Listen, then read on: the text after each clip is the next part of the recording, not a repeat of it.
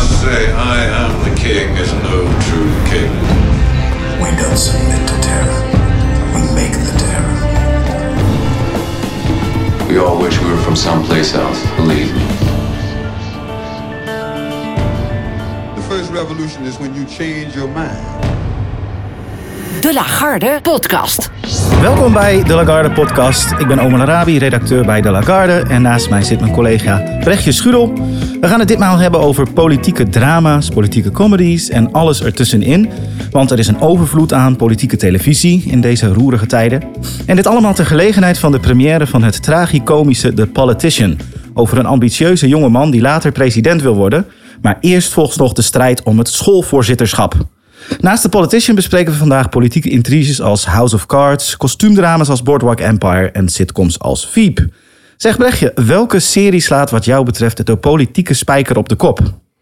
Ja, nou ja, als ik heel eerlijk ben, blijf ik meestal toch een beetje weg bij de echte politieke series. Uh, en het, het, komt eigenlijk gewoon omdat ik heel slecht tegen onrecht kan. En uh, ja, het is, er is maar weinig onrechtvaardiger tegenwoordig dan uh, het politieke Amerikaanse, mm -hmm. vooral het Amerikaanse politieke klimaat.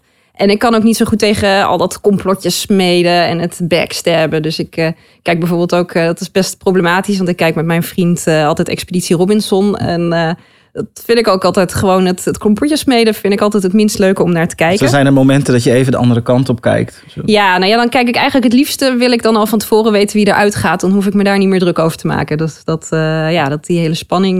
maar je staat ook bekend als iemand met een voorliefde voor bepaalde science fiction. En dat gaat toch ook vaak over politiek en heeft politieke lagen en over complotten. Ja, maar dat, ja, als het er dan als het er wat slinkser bij mij, uh, weet je wel, een beetje via het infuus uh, naar binnen druppelt, dan kan ik het wel uh, trekken. En inderdaad, ja, het is wel grappig, want zombies en bloed en ingewanden, dat maakt me allemaal niet uit. Maar inderdaad, geef, geef mij bijvoorbeeld ook een film die gaat over kinderen die gepest worden. En dat, dan ben ik echt helemaal maar de weg kwijt. Maar als ik dan inderdaad toch een, een voorbeeld uh, moet geven van een serie die uh, volgens mij wel uh, goed de vinger op de politieke pols heeft. Op dit moment ga ik dan toch ook een beetje out of the box. En dat is de Dark Crystal Age of Resistance. Een nieuwe serie op Netflix te zien. En gebaseerd eigenlijk een soort prequel op The Dark Crystal uit 1982. Een poppen animatie serie van Jim Henson waarin het eigenlijk de kwaadaardige Skeksis tegenover de goedaardige Mystics is.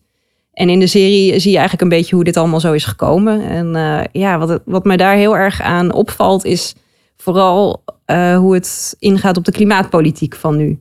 Van de Skeksis, die uh, hebben zichzelf benoemd tot de, de oppermachtigen. En halen ondertussen echt alle, alle kostbare levensbronnen uit de aarde. En ja, zijn er eigenlijk ook niet voelen zich daar niet schuldig over. Want uh, zoals uh, de Chamberlain, uh, de Skeksis, ingesproken door Simon Peck, zegt van, hè, van ieder levend wezen consumeert andere levende dingen, toch? Mm -hmm. Dus ja, wat mij daar heel erg van bijbleef was. Eigenlijk zijn wij de Skeksis met wat wij nu doen. Maar wat je omschrijft klinkt ook als een serie vol wegkijkmomenten. Dat je denkt, goh, dit is wel heel erg urgent wat hier wordt verteld. Ja, Nee, dat, dat zeker. Van het, is wel, het is wel pijnlijk wat dat betreft. Van vooral als je realiseert van... Eigenlijk zijn wij dus niet de good guys. Maar doen wij net, ja, zoals de skeksis omgaan uh, Maar dan met heb de je niet dat gevoel, dat cringe gevoel, zeg maar. Nee, en, ook, ja, en wat ook helpt is eigenlijk... is dat de skeksis zijn gewoon... Ze zijn wel heel eerlijk daarin. Dus ze zijn heel eerlijk in dat ze gewoon nemen wat ze willen nemen. Dus dat trek ik dan meer dan dat ze achter... Uh, achter de scènes dingen doen. Ze zijn eigenlijk heel open. En, maar daardoor wil niemand eigenlijk geloven dat ze zo kwaadaardig zijn. Van een Hmm. beetje. Het, voelt ook een beetje zoals bij de Holocaust. Van, hè, van al die ellendige dingen gebeuren. Maar het is zo ellendig dat je eigenlijk niet wil geloven dat het gebeurd is. Terwijl het toch echt gebeurd is. En zie jij jezelf dan ook als een soort escapist? Uh, dat, ja, nou ja, ik, ik moet wel zeggen van uh, als er weer eens een, een, een, nieuwsberichtje over Trump voorbij komt, dat ik de tweet van Trump meestal gewoon wel oversla. Dat ik ook zoiets heb van ja, die heeft toch niks nieuws te melden. Van ik snap eigenlijk niet waarom het nieuwswaardig is wat hij iedere keer uitkraamt. Je kan ook gewoon zeggen, Trump heeft weer getweet en zat op de wc. En uh, verder, uh, ja, het, het, is niet echt nieuwswaardig. Maar ik, ik ben eigenlijk ook wel benieuwd. Heb jij uh, nog een favoriet Ja, we hebben het over politiek drama deze week. Of deze, ja, en ik, ik ik ben zelf niet zo'n groot fan van veel politieke drama's. En dat komt vooral om, zeker de Amerikaanse politieke drama's, dat het allemaal klonen van elkaar zijn. Omdat ze in een soort van artificiële realiteit worden gemaakt. Waarin ehm, een soort van interne latente boodschap lijkt van zo moet politiek eruit zien. Hè, dus eh, eh, in series als West Wing bijvoorbeeld proberen ze een soort van representatief beeld te geven van kijk, zo wordt politiek bedreven en zo gaat het er achter de schermen aan toe. En ik heb altijd het gevoel dat het, dat, dat, dat zo nep oogt. Oké, ja. Nou ja, het, het is vooral, eh, daar zullen we het straks ook wel verder over hebben. Van de West Wing is natuurlijk. Ik vond de West Wing heel erg leuk. En eh, ja, ook de, teksten van Aaron Sorkin. En dat er dingen in werden uitgelegd die je daarvoor niet snapte. Maar wel op zo'n manier zonder dat het voelde alsof je een klein kind was die het moest worden uitgelegd.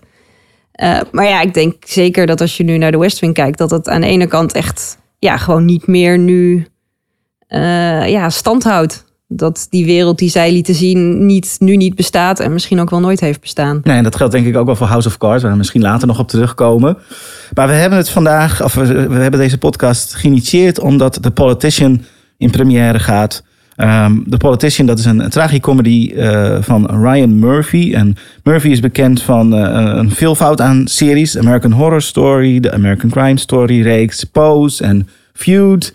En nu dus The Politician. En dat gaat over Peyton Hobart, gespeeld door Ben Platt. En Peyton Hobart is een tiener en heeft grote ambities. Hij wil dus eh, president worden van de Verenigde Staten. Maar eerst wil hij de strijd winnen om het schoolvoorzitterschap op zijn scholengemeenschap. En Peyton Hobart is een, ja, bevoorrechte jonge man met eh, rijke ouders, eh, geadopteerd. En de show gaat er dus om hoe, hoe hij ontzettend veel moeite moet doen om dat schoolvoorzitterschap te winnen. En hoe die zich later dan ook eh, ontwikkelt als politicus. En ehm, eh, jij hebt, hem, je hebt alle afleveringen ook gezien. Wat vond je ervan? Eh, ja, nou ja, is het, van hadden we al gezegd dat die vrijdag in Ja, vrijdag. Ja, vrijdag. Dus ik weet niet of we al te veel moeten spoilen. Maar ja, ik, ik heb hem wel gezien. Ik, ik was er niet heel erg gecharmeerd van. Ik vond het een beetje meer van hetzelfde. Wat ik wel interessant vind is, volgens mij is een van de eerste series die Ryan Murphy maakte, was ook Popular. Dat eh, was, eigenlijk voelt dat een beetje zoals dat. Van, het was ook echt zo'n middelbare school. En eh, hier gaat het eigenlijk ook, eh, is het eigenlijk ook een beetje een populariteitswedstrijd. Waarin het niet echt zozeer gaat om wie de beste boodschap heeft, maar wie het populairste is. eh. En Ryan Mur- Murphy staat ook bekend om eh Nip Tuck en van Glee. Eh, ik vond het zelf wel een hele fijne, fijne tragicomedy. onder meer omdat hij dat serieuze politieke drama combineert met het groteske dat we kennen uit Ryan Murphy's werk. En daar combineert hij dat weer met de nodige humor. Het is heel erg speels. Het is ook wel een beetje escapistisch. Het is barok. Het is campy. Dus ik vond het zelf wel heel erg interessant ook. Eh, misschien wel omdat de boodschap in de serie ook is van eh linkse progressievelingen die moeten eh, er eerst over eens worden wie hun gaat vertegenwoordigen voordat ze de strijd aangaan tegen de Republikeinen. En wat jij eerder ook al noemde was dat Donald Trump er niet eens in wordt genoemd. Nee, inderdaad. Volgens mij is er, ik moet misschien nog een keer nakijken, maar volgens mij, ze hebben het over Obama en wat dan ook. Maar Trump die wordt, en over alle presidenten die aanslagen hebben overleefd. Maar eh, Trump die wordt nergens genoemd. En wat, wat dat betreft, wat ik wel heel interessant vond, en wat jij ook wel zei, van ja, ze moeten gewoon even, hè, de, de, de Democraten moeten ook gewoon eens even kijken van wie gaan we nou naar voren schuiven. Maar er is één aflevering, eh, meer naar het einde van de, eh, de serie, een zogenaamde meer een soort bottle-aflevering eigenlijk. En die gaat echt meer, die heet ook De Voter. En dat gaat echt om een, een, eh, ja, een undecided, dus een stemmer die nog niet heeft gestemd. En iedereen weet dat. En iedereen probeert hem te paaien met beloftes van, van, eh, van, nou, wat wil je nou echt? En hij zegt uiteindelijk van, nou ja, het liefst wil ik gewoon een privé wc-hokje, zodat ik me kan aftrekken terwijl ik eh, porno zit te kijken. Maar ja, wat ik daar wel heel mooi vond, en dat eh, wat misschien ook nog wel het meeste zegt over het huidige politieke klimaat, is dat het die stemmer echt gewoon aan zijn reet kon roesten. Van, die had echt zoiets van: het zijn twee rijke luiskinderen die zich druk maken om dingen waar ik me totaal niet druk om maak. Eh, hè, laat me met rust, laat me mijn eten eten en de dag doorkomen en snel weer thuis eh, onder het bed eh, met mijn hand in mijn onderbroek. Ja, die rijke luiskinderen die, die houden zich heel erg bezig. Of die willen eigenlijk, hè, die, die jongen waar dat dan over gaat, die zich be- liever bezighoudt met masturberen dan met politieke aangelegenheden. Ze willen weten wat hem, wat hem drijft, wat hem doet bewegen. En in feite zijn dat hele banale zaken, zoals wij als mens allemaal wel bepaalde behoeftes eh, hebben. En, en, en de ironie is daarin natuurlijk dat terwijl ze willen weten wat hem beweegt, ze eigenlijk helemaal niet geïnteresseerd zijn in, in uh, wat voor wensen hij heeft. Maar als, uh, misschien hadden ze wel uh, voor hem zo'n privé toilet kunnen inrichten. Want zijn stem is wel heel erg belangrijk natuurlijk voor ze. Ja, nou ja, het lijkt daar ook op uit te draaien. Maar dat is uiteindelijk gaat het een hele andere kant op. Dus dat, dat is. maar dat, dat vond ik inderdaad wel grap. Ja, wel, wel interessant. Een interessante blik ook. En inderdaad, in dat hè, ze zo graag die ene stem willen hebben dat ze daar eigenlijk ook bijna bereid voor zijn om alles maar te beloven. Terwijl ze daardoor hun achterban een beetje vergeten van hè, waar het echt om draait. Dus dat je inderdaad ook, uh, wat, wat je straks ook in, uh, of wat in Veep bijvoorbeeld ook voorbij komt, is dat je gewoon maar alles belooft. Hè, op een gegeven moment zijn het niet meer de idealen waar je voor staat, maar gewoon het voorzitterschap is het belangrijkste. En het maakt niet uit wat je daarvoor moet beloven om er te komen. Er is ook veel gehoorde kritiek op de politiek, is dat het gaat om het ambt om het uitzitten. En dat je eigenlijk met je campagne begint zodra je je zetel hebt gewonnen. En dat je vier jaar lang aan de campagne voeren bent. Want dat doet Peter in feite ook in de Politician. Want als er geen eh, echt campagne voeren eh, noodzakelijk is, dan moet hij wel op een andere manier campagne voeren. Om zich te kunnen profileren, om zijn ambities te kunnen etaleren. En dat is natuurlijk ook Trump in een notendop. In die zin, of wat jij net zegt van. Uh, van alles nog wat beloven. En tegen de tijd dat je uh, de inauguratie is geweest, dan zeg je ja, we kunnen het toch niet zo realiseren zoals we het zouden willen. Ja, nou ja, en dat is natuurlijk, daar wordt ook wel, uh, hè, dat, is dan ook wel zo'n running gag van dat ze ook echt kijken naar van ja, wie moet er uh, de vicepresident worden. En dan kijken ze ook echt niet naar de beste, maar meer gewoon naar degene die de, de hokjes, de, de meeste hokjes vult. Dus inderdaad, hè, het ene team die heeft een een, uh, wat is het, misschien een non-binary uh, lesbian uh, VP. En de andere die gaat voor een, een, meisje wat doodziek is, maar toch desondanks heel erg de wil heeft om te leven. En er is ook, loopt echt, het is niet meer de token black guy, maar de token Haitian guy. Dat, is dan ook, dat komt ook de hele tijd terug van de, de Haitian vote. Van wat vindt Haiti van, van het school dingen. En dat, ja, dat is ook wel kenmerkend, denk ik. Eh. Ik denk dat het wel pijnlijk is, in zekere zin, de hypocrisie die boven komt drijven in de politician. En hoe, die dan, hoe dat dan een soort van vergelijking wordt met de hedendaagse politiek.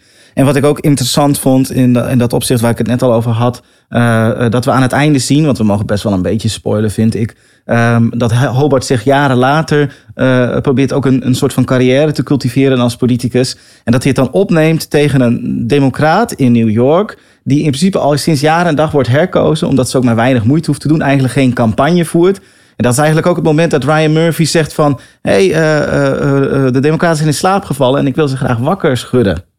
Ja, nou ja, dat, dat zou hopelijk zo kunnen zijn. Ik, uh... En sowieso um, uh, um, is dat misschien het moment waar, waarop Trump kan bovendrijven. In zekere zin is hij latent of onbewust aanwezig in de serie. Want we weten ook dat Ryan Murphy een fervent tegenstander is van, uh, van Trump.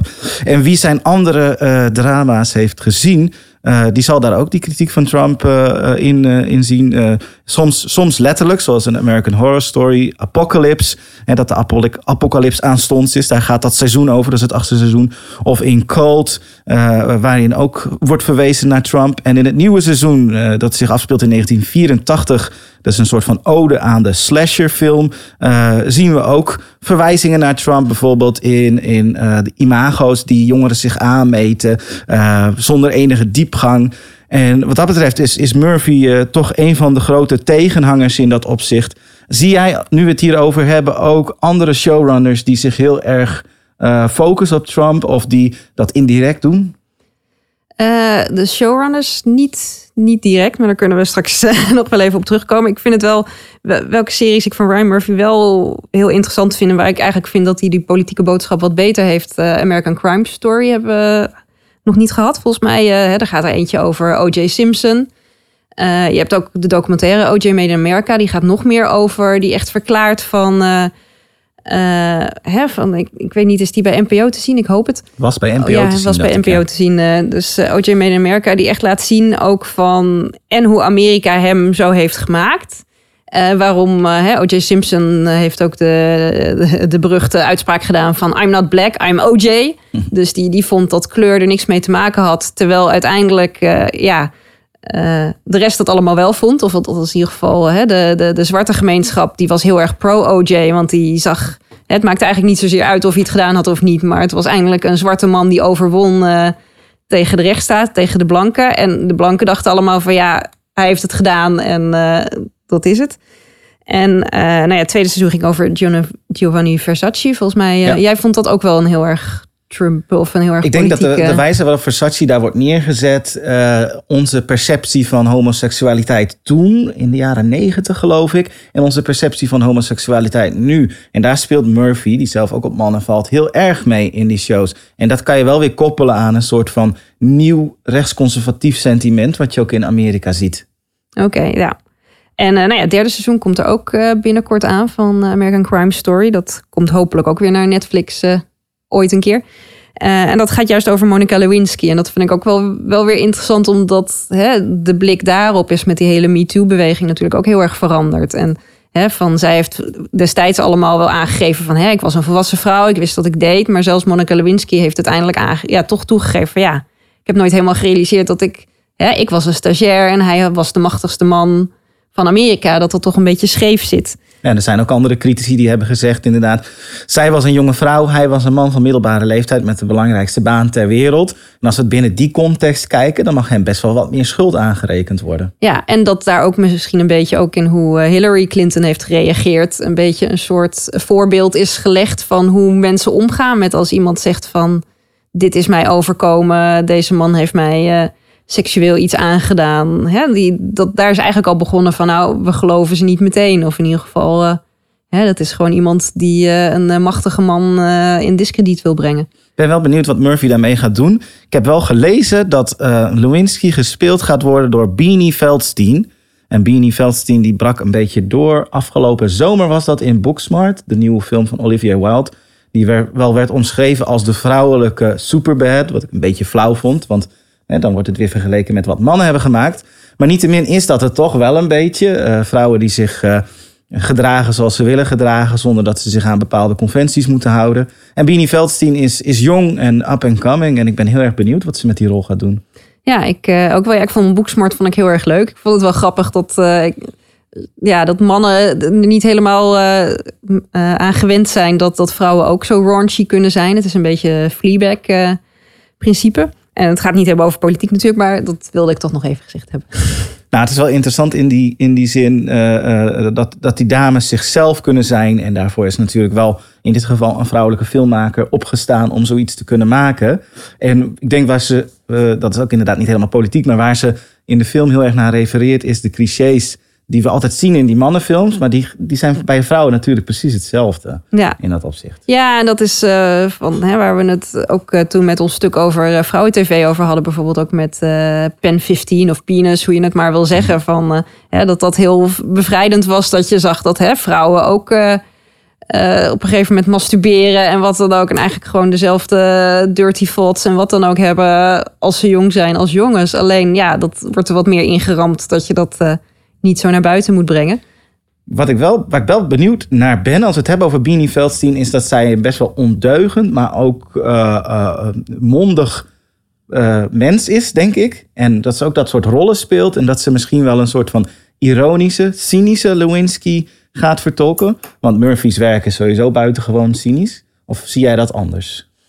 Ja ik, ja, ik ben ook wel benieuwd wat ze ermee gaan doen. En natuurlijk sowieso van, hè, wat ook wel weer heel tekend is van de echte Monica Lewinsky, is dat dit gebeurde. En uiteindelijk eh, hè, kon Clinton gewoon doorgaan en eh, was Monica Lewinsky's carrière een beetje voorbij.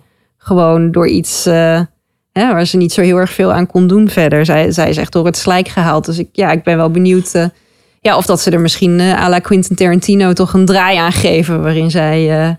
Ik denk, dat, ik denk dat ze niet anders kunnen. Maar ik vind het wel interessant wat je zegt. Want toen was haar carrière voorbij. Vandaag de dag is het een beetje omgekeerd. Binnen die hele MeToo-context. Ehm, House of Cards is een, ja, een, een, een, een, typisch voorbeeld. Waarin de hoofdpersoon, gespeeld door Kevin Spacey. in principe nu eh, verklaard is tot persona non grata. Hoewel er ook al stemmen opgaan dat hij misschien wel weer ergens zal opduiken. Maar in ieder geval voor nu eh, is dat hele eh, huis, House of Cards in elkaar gevallen. Ehm, eh, dus het is een beetje de omgekeerde wereld. Zo zou je dat Ja, nou ja, het werkt ook niet helemaal. Want eh, bijvoorbeeld Louis C.K. is toch ook wel weer begonnen. En eh, ja, het is een beetje de vraag van... je hebt natuurlijk ook Jeffrey Tambor... die uit Transparent is gekikt... omdat hij seksuele ongepaste dingen heeft gedaan met, met zijn medecastleden. Of in ieder geval toespelingen heeft gedaan. En daar komt ook eh, vrijdag een, het laatste, de Transparent, de musical finale, komt eh, uit op Amazon. En eh, ja, hij vond het natuurlijk allemaal heel erg oneerlijk. Hij is er ook uitgekikt. Maar als je die finale ziet, dan denk je ook van... Ja, het is eigenlijk... Is het ook zonder hem niks meer. Het is wel een raar gegeven, want ik kan me nog een paar van die speeches van hem herinneren bij de Emmys. Dat hij heel oprecht overkwam en een soort van bedeesd, een beetje verlegen. Ook zo van, ik had het niet verwacht. Hij heeft een Emmy gewonnen voor die rol. En dan dat je hoort dat hij op de set eh, allerlei rariteiten eh, deed. Dat hij mensen uitschold en zo. Ja, ja en dat hij, maar dat hij dan in zijn reactie eerst ook wel zei van... ja, ja ik heb een beetje hè, soms een slecht humeur of wat dan ook. Dus dat het toch weer als iets mannelijks wordt afgezet. eh. ja, en wat, wat mensen ook wel vaker hebben gezegd van deze serie... is nu ook al een aantal jaar oud. Dat als je nu deze serie zou maken... zou je nooit een cis-hetero man eh, de rol van een transgender laten spelen. Dus dat, wat dat betreft was, het, eh, ja, was hij ook al wel wat gedateerd. Heel interessant dat je dat zegt, want in The Politician zit ook een trans man. Sowieso heeft Murphy heel veel nieuwe gezichten eh, geïntroduceerd. Dus ik denk ook dat, dat hij in het verleden heeft gekeken naar van wat werkt. En dat hij, want er spelen eh, men, heel veel mensen uit de LGBT-gemeenschap in.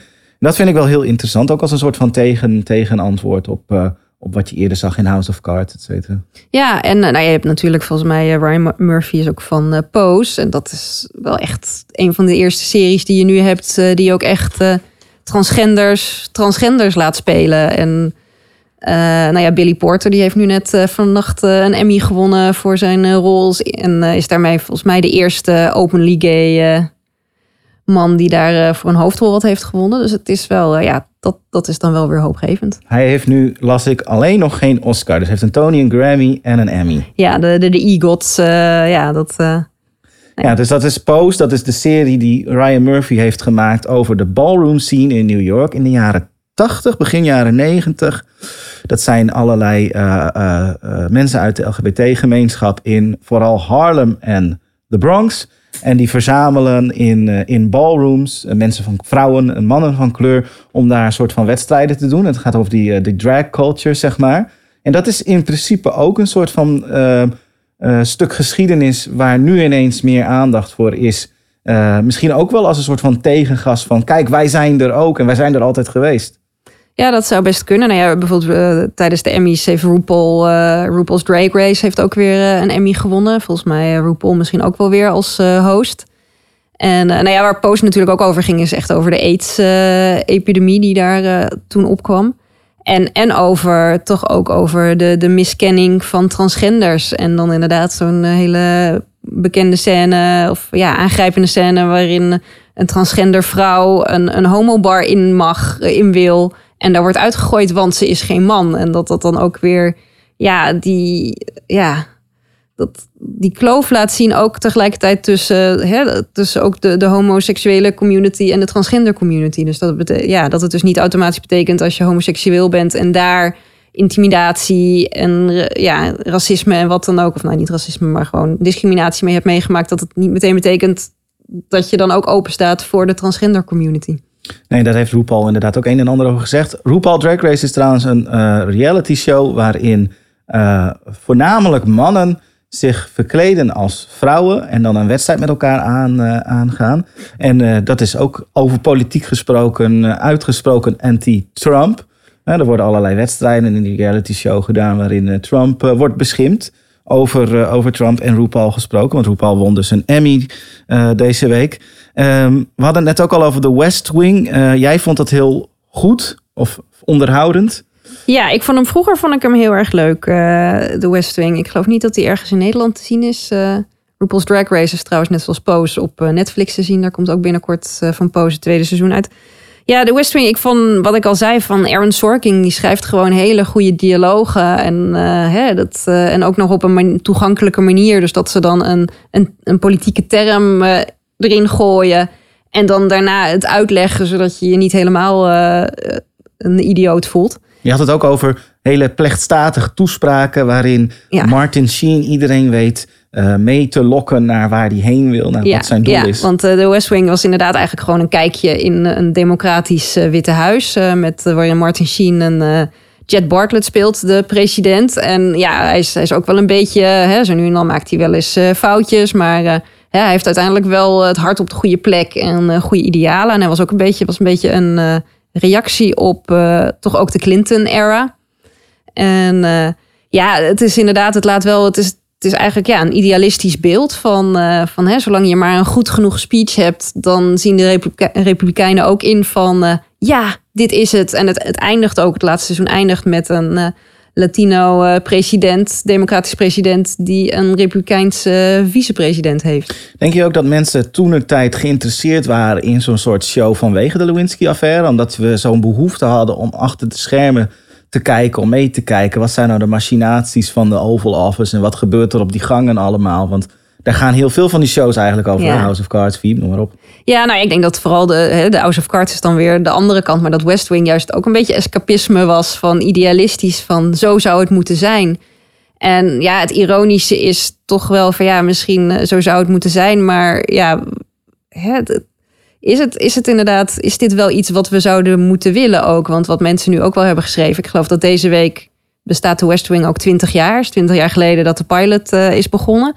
En ja, het, is toch wel, het gaat toch wel echt over blanke mannen die het het beste weten. En uh, ja, het, het, het, grappige is, ik zag laatst ook een stuk over uh, dat um, Richard Schief, die Toby Ziegler speelde in de, de serie, een van de persvoorlichters of de persschrijvers die uh, heeft zich achter uh, um, Joe Biden geschaard. En dan ook uh, brieven geschreven aan mensen als zijnde Toby Ziegler. En gezegd van ja, er is geen Jet Bartlett bestaat niet.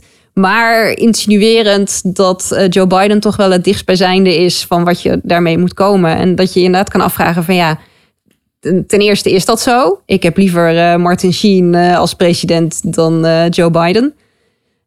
en ten tweede van ja, is dit wel wat je wil? Nou, ik weet niet of ik liever Martin nee. dan president heb dan, eh, dan uh, Joe Biden. Ik denk dat wat je zegt heel interessant is. Dat uh, wat hij in principe onderschrijft is de West Wing kant van Joe Biden. Maar wie het nieuws ook nadrukkelijk in de gaten houdt, ziet ook de House of Cards variant van Joe Biden. En dan zien we een, toch een, een man op leeftijd. En ik wil niet aan ageism doen, maar ik vraag me wel af of iemand die bijna 80 wordt de geschikte kandidaat is. Een witte man, zoals je al zei. Maar de House of Cards kant van Joe Biden, waarin hij allerlei onzinnige dingen bezigt en, en allerlei rare uitspraken doet in de media. En ook heel veel complexe politieke uh, dilemma's simplificeert. als je dat er dan ook bij pakt, dan krijg je een volledig beeld van. En ja, wat Martin Sheen betreft, ik heb geen idee, maar het is wel interessant om daar een keer een essay over te schrijven. over gewoon over hoe Martin Hoe hij het zou doen als president. Ja. Want zijn, als hij een, ja, ik weet niet of het zo vader of zoon is. Uh, uh, als hij nou een beetje op zijn zoon lijkt, dan lijkt me dat toch best wel een nachtmerrie.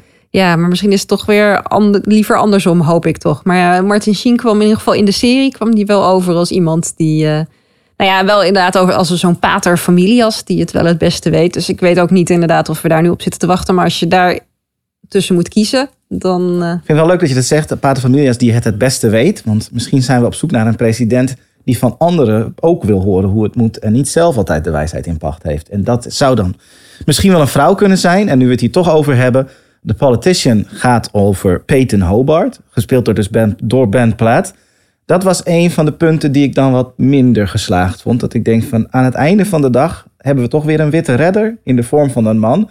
Een man die dan wel op mannen valt, maar toch had ik zoiets van, god, dat had wel anders gekund. Tegelijkertijd denk ik dat, en wie de serie zal zien, zal dat misschien wel of niet met me eens zijn, dat Hobart een soort van exponent, een verlengstuk is van Ryan Murphy. En dat Ryan Murphy door hem ook weer een soort, soort van zijn eigen jeugd herleeft. Ja, nou ja, wat ik wel ook wel, naast dat het een blanke man is, die duidelijk ook nog niet echt uit de kast is of zo. Of iedereen heeft zoiets van, nou, we hebben het er verder niet over. En uh, hij heeft ook een, uh, zijn vriendinnetje is ook echt een soort Hillary Clinton, uh, die zich op het zwaard gooit op het moment dat het nodig is. En ja, wat ik wel een beetje problematisch vond, is dat iedereen wel roept van, oh, je bent geweldig en jij moet president zijn. Maar ik ik zag niet helemaal, hè, het kwam er niet helemaal uit. En uh, wat me wel uh, verraste, wie uh, me ja, op een goede manier verraste, was dan toch Gwyneth Paltrow als de moeder. Gewoon omdat hij, het wordt nu dan wel ge, ge, geroepen, ook zijn eerste tegenstander River, Die, eh, hè, die ook tegen zijn vriendinnetje zegt van... Goh, eh, hè, je komt zo vaak klaar tijdens de seks. eh, ik ga bijna denken dat je het soms eh, maar doet alsof. En dan zegt ze, ja, dat doe ik ook. Dus authenticiteit is wel iets waar naar gezocht wordt. En als er iemand dan authentiek is, dan is zij het toch wel. Omdat ze iedere keer als ze de kans heeft... terwijl ze weet van, het is beter als ik nu lieg... Als het gaat over erfenis of over wat dan ook... of over het bedriegen van haar man... kiest ze toch altijd voor de waarheid. Hoe moeilijk dat ook is. Ik denk dat alle personages wel iets van een imperfect aspect hebben. En dat personage van Gwyneth Paltrow als Georgina, dus de moeder van Peyton Halbert, heeft dat ook. Is ook echt een gemankeerd mens met allerlei oneffenheden. Maar we hebben het over mensen. Ze is misschien wel het meest menselijke van alle personages. En ze is ook een soort van eh, eh, geweten en ook een soort van sympathieke aanwezigheid in de serie. Omdat iedereen een agenda heeft. En zij heeft in veel scènes, heeft ze geen agenda. Dan willen ze gewoon een moeder zijn voor haar zoon. Zoiets. Ja, van ze willen het beste voor. En ze zegt ook eh, hè, op een gegeven moment ook van ja, het, hè, het leven is niet eh, zoals een trein eh, die op, een, op de rail staat. Het leven is een shitstorm with gold bricks. En je moet gewoon proberen zo schoon mogelijk te blijven. En ze nu en dan de, de goudstaafjes eruit pikken. Dus dat, ja, dat, eh, ik, het verrast me dat ik het moet zeggen. Maar ik vond Gwyneth Paltrow toch wel een van de, de Ik uitschieters ben het helemaal met je eens. Ik denk dat, dat, dat ze een zekere oprechtheid acteert. En een zeker soort van moederrol op zich neemt. Waar je misschien in het begin nog wel denkt dat ze een beetje een dom blondje is.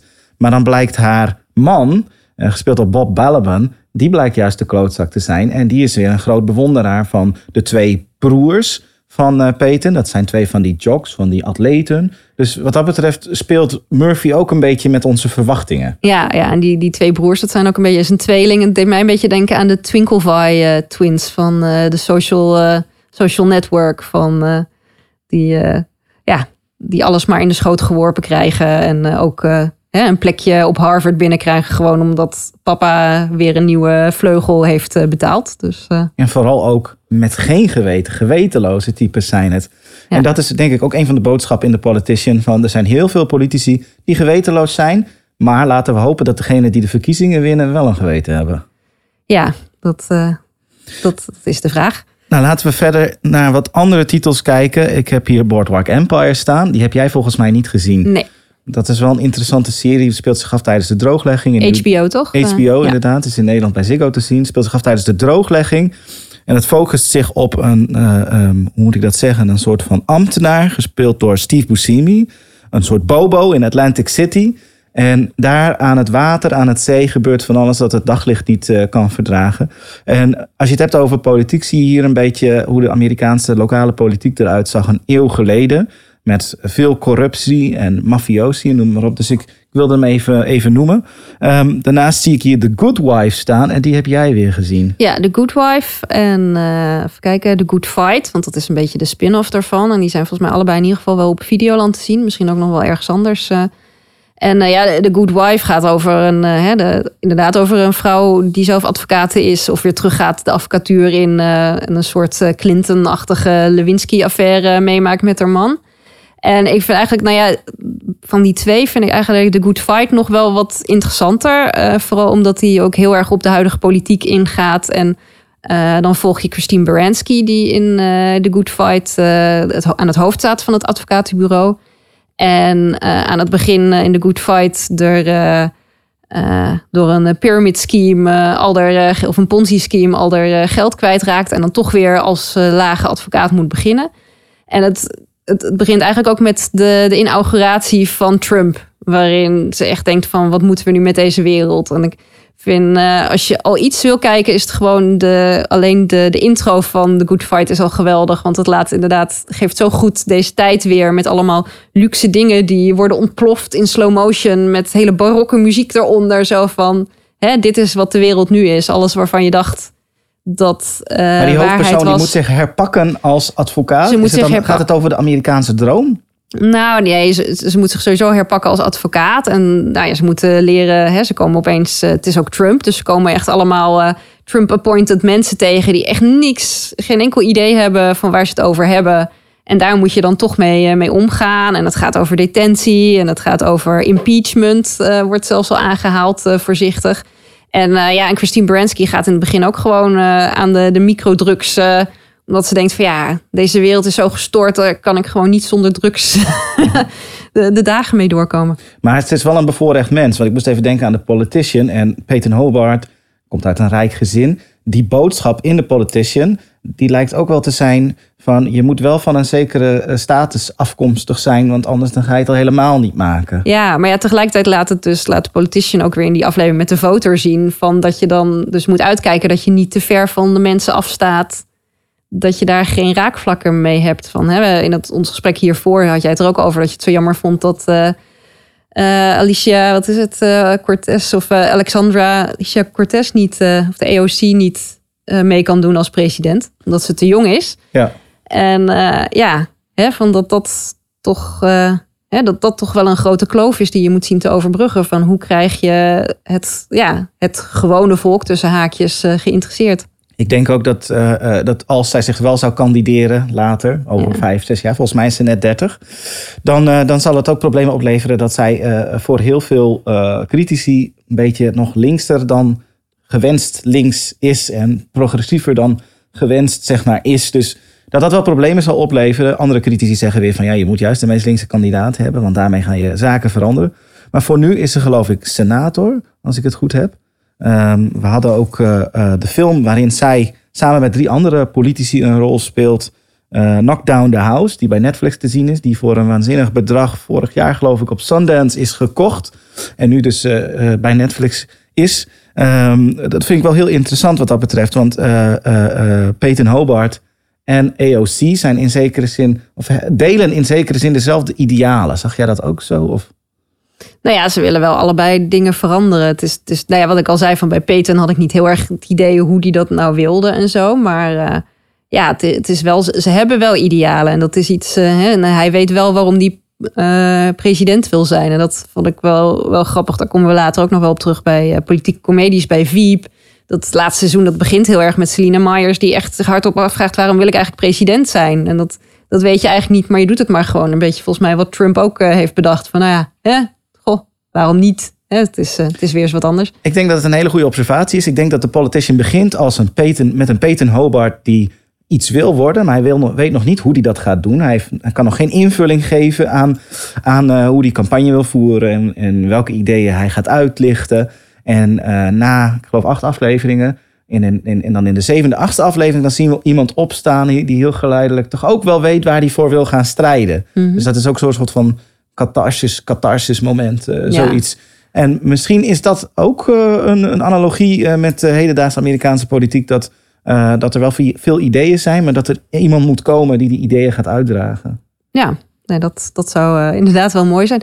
Nou, je vroeg me helemaal aan het begin ook al van... eh, goh, welke showrunner heeft er nou wel echt een beetje de, politiek in het achterhoofd? Ik denk, we hadden het al over de documentaire Knockdown the House. Een andere documentaire die je op Netflix kan zien is eh 13th. Eh, en dat, nou ja, geproduceerd of ge- gemaakt door Eva DuVernay. Die is denk ik toch wel echt bezig met de politieke boodschap. Eh 13 gaat over het 13e amendement... eh, waarin eh, slavernij werd afgeschaft... maar laat eigenlijk zien hoe dat nooit, hè, zelfs nu 100, ruim 150 jaar na dato, eigenlijk nog steeds, eh, nog steeds raciale ongelijkheid is. En hoe hè, er toch het, overgrote gedeelte buitenproportioneel veel mensen, zwarte mensen in de gevangenis terechtkomen. Eigenlijk door ja, toch ook weer ongelijkheid in, in regels en in wetten, die eigenlijk altijd in het voordeel van de, de blanke man of vrouw uitkomt. En zij heeft natuurlijk ook eh When They See Us gemaakt. Waar eh, een van de acteurs nu ook een Emmy voor heeft gewonnen. En eh, ja, dat gaat heel erg over vijf jongeren die werden verdacht, of eigenlijk gewoon maar werden aangewezen als de verkrachter en ja, van, van een blanke vrouw. Gewoon omdat het het beste uitkwam. Ja, wat 13 betreft wil ik ook een podcast aanraden. Die heet Ear Hustle. En die, gaat, die wordt gemaakt door gedetineerden in de San Quentin gevangenis. Een van de medewerkers die zit intussen niet meer in de gevangenis. Die is een vrij man. Maar dat zijn ook voornamelijk mannen van kleur. Veel Afro-Amerikanen die vertellen over hun ervaringen daar. En een van de laatste afleveringen ging heel toevallig over wat ze daar verdienen. Wat hun salaris is. En ze werken echt voor een paar dollar cent per uur. Dus wat jij omschrijft in 13 is dat de slavernij er niet meer is, maar dat die gevangenissen vol zitten met soort van moderne slaven die eh, eh, eh, 13 in een dozijn werk doen daar. En vond ik wel heel interessant. En wat When They See Us betreft, ehm, eh, gaat ook over de jaren negentig en over de perceptie van racisme vanuit het nu naar toen, maar ook hoe dat toen werd gezien. Ik moest heel even denken aan de kritiek die er nu is op Friends.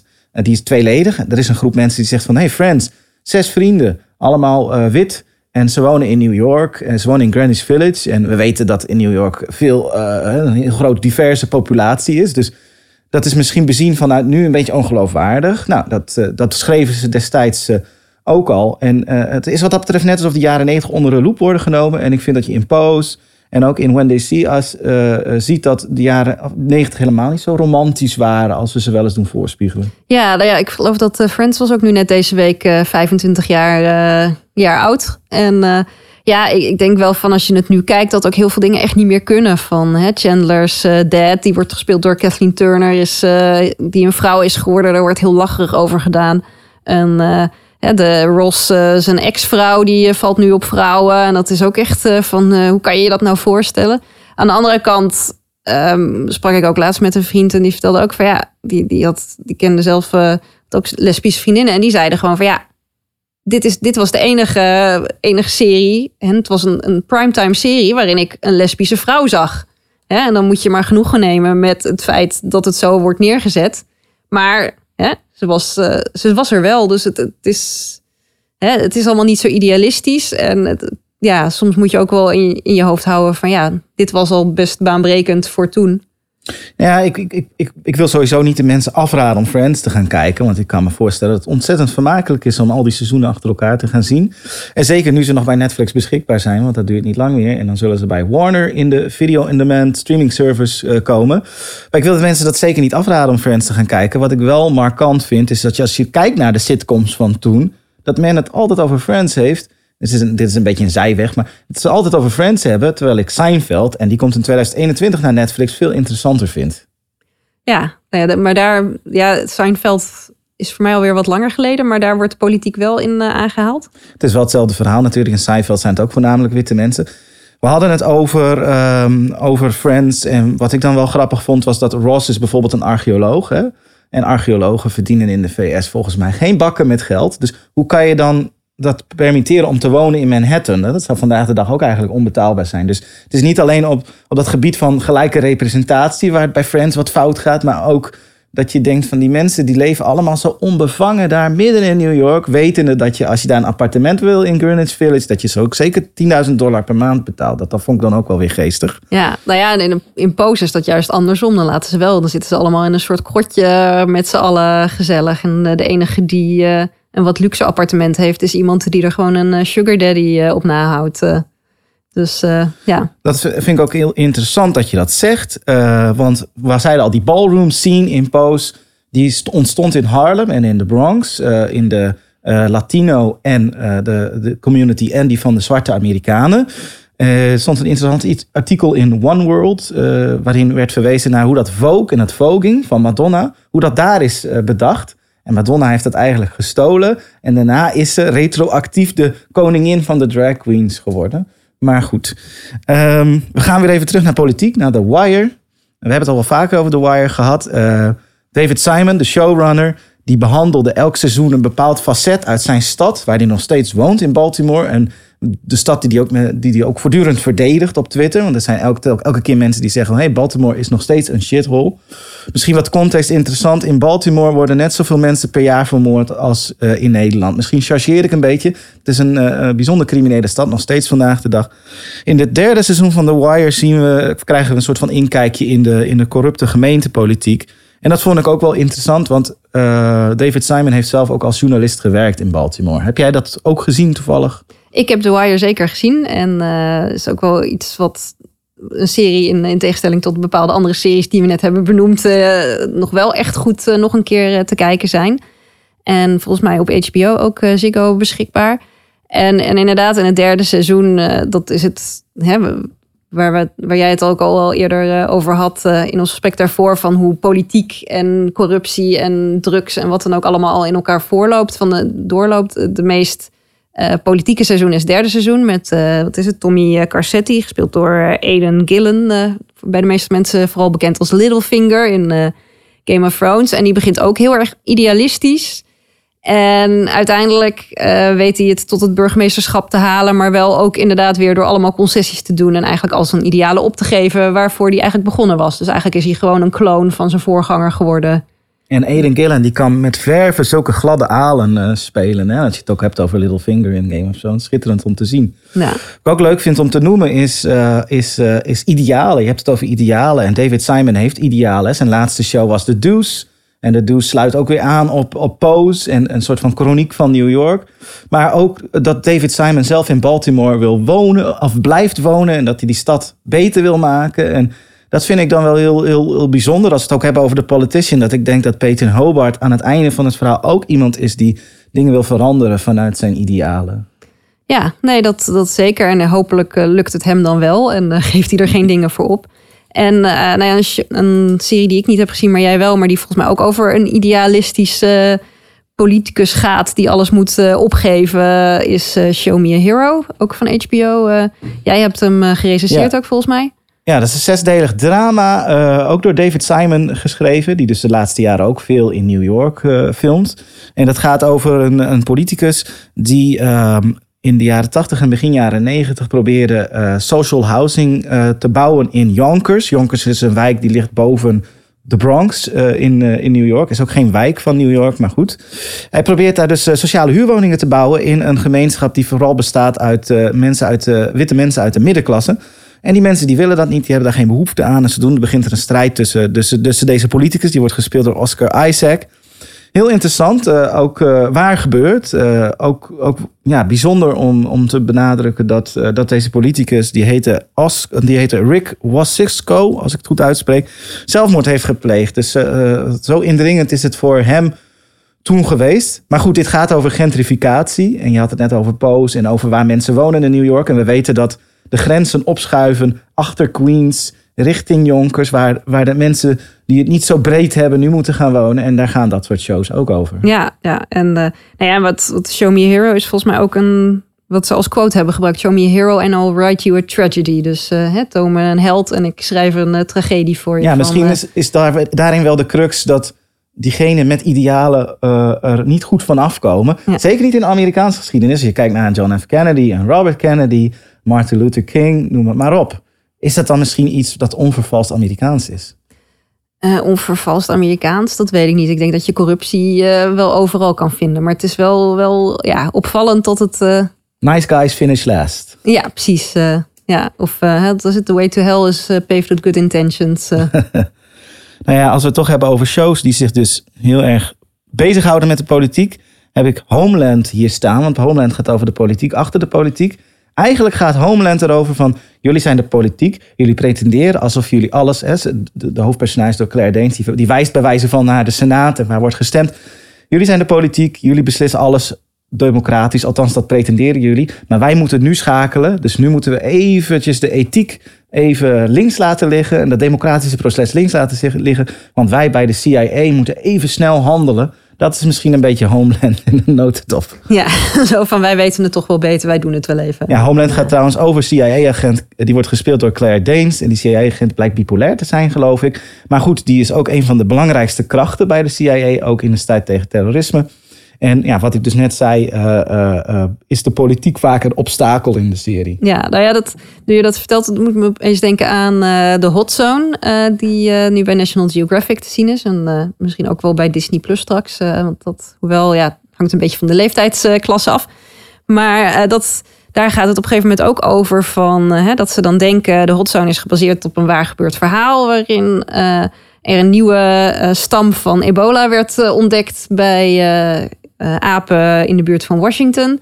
En daar is op een gegeven moment ook de discussie van ja, hè, we kunnen het nu allemaal netjes via de politiek spelen. Maar dan uh, is er al, al lang wat uitgebroken van wij lossen het wel even op. Dat doen we even buiten de, de officiële paden, want dan, uh, dan komt het goed. Want als we op de politiek wachten, dan zijn we er niet meer. En eigenlijk is dat ook politiek als je erover nadenkt. Tenminste, wij zien het niet. Homeland gunt ons een blik achter de schermen bij de CIA. Um, er wordt wel altijd nadrukkelijk overlegd met mensen die daar hebben gewerkt. Uh, voordat uh, scenario's worden geschreven voor nieuwe seizoenen. Maar het is een blik achter de schermen van de politiek achter de politiek. Want in feite, dat, dat snel moeten kunnen schakelen is ook een vorm van politiek. Misschien niet een vorm van politiek die heel erg mooi is. Maar goed, de, hè, dat is misschien weer het tegenovergestelde van bijvoorbeeld de West Wing. Ja, nou ja, en als je het daar hebt over de politiek achter politiek, dan, ja, dan is het een mooi stapje naar de Americans, waarin ook hè, dan hè, toch achter de schermen een bepaalde soort eh, politiek wordt bedreven. En dan eh, gespeeld door vanuit Rusland twee Russische spionnen, een Russisch gezin te zien. Een serie die heel lang op Netflix te zien was, tot het laatste seizoen. En nu op miraculeuze wijze verdwenen is, helaas. Dus wat wel balen is, want ik wilde het laatste seizoen ook nog zien.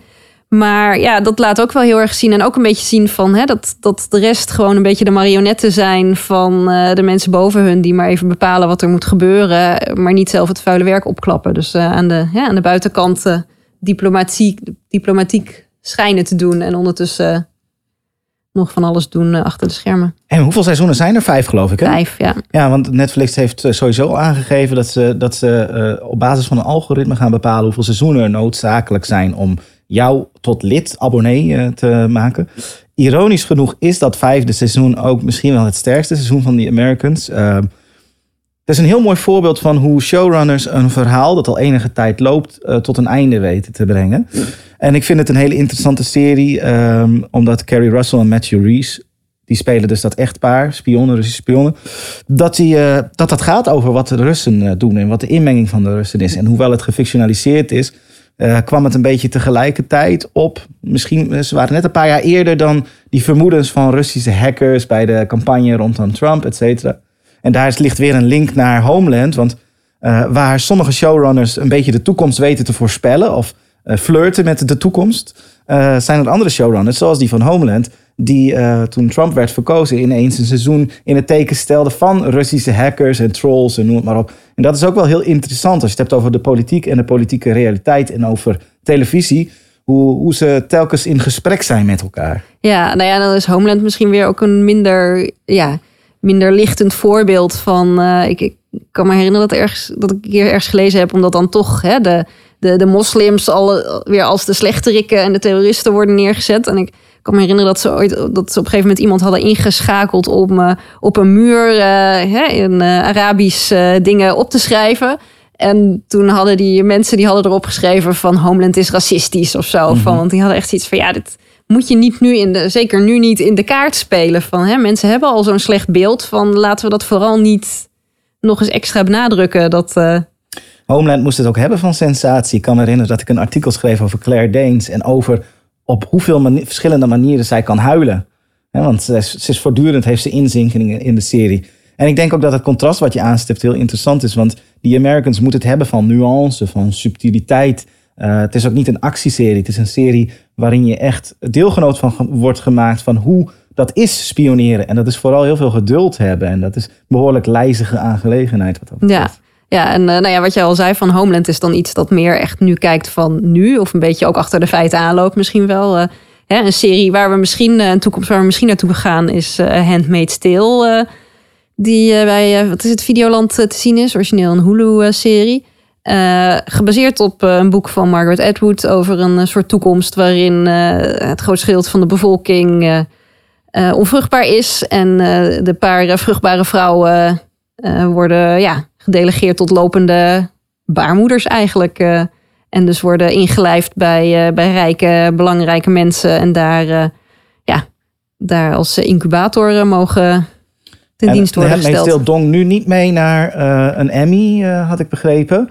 Want die was vorig jaar of het jaar daarvoor een grote winnaar. Hij heeft toen geloof ik heel veel categorieën gewonnen.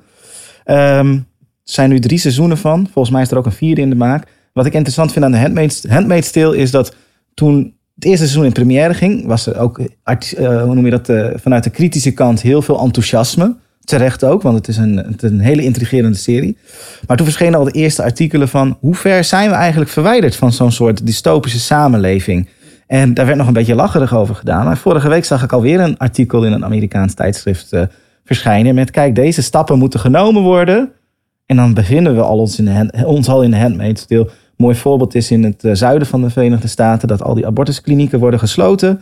En eh, eh, dat ze allerlei regeltjes verzinnen. Dus als er nog wel een abortuskliniek wordt geopend, dan moet de deur zo groot zijn en de gangen moeten zo breed zijn. En daar kan je nooit aan, aan voldoen natuurlijk. Dus het is wel heel pijnlijk dat een serie die op het oog heel grotesk oogt, misschien wel dichter op de realiteit zit dan we hopen. Ja, en wat, nou ja, wat vooral ook het eerste seizoen heel goed liet zien, is hoe geleidelijk dat gaat.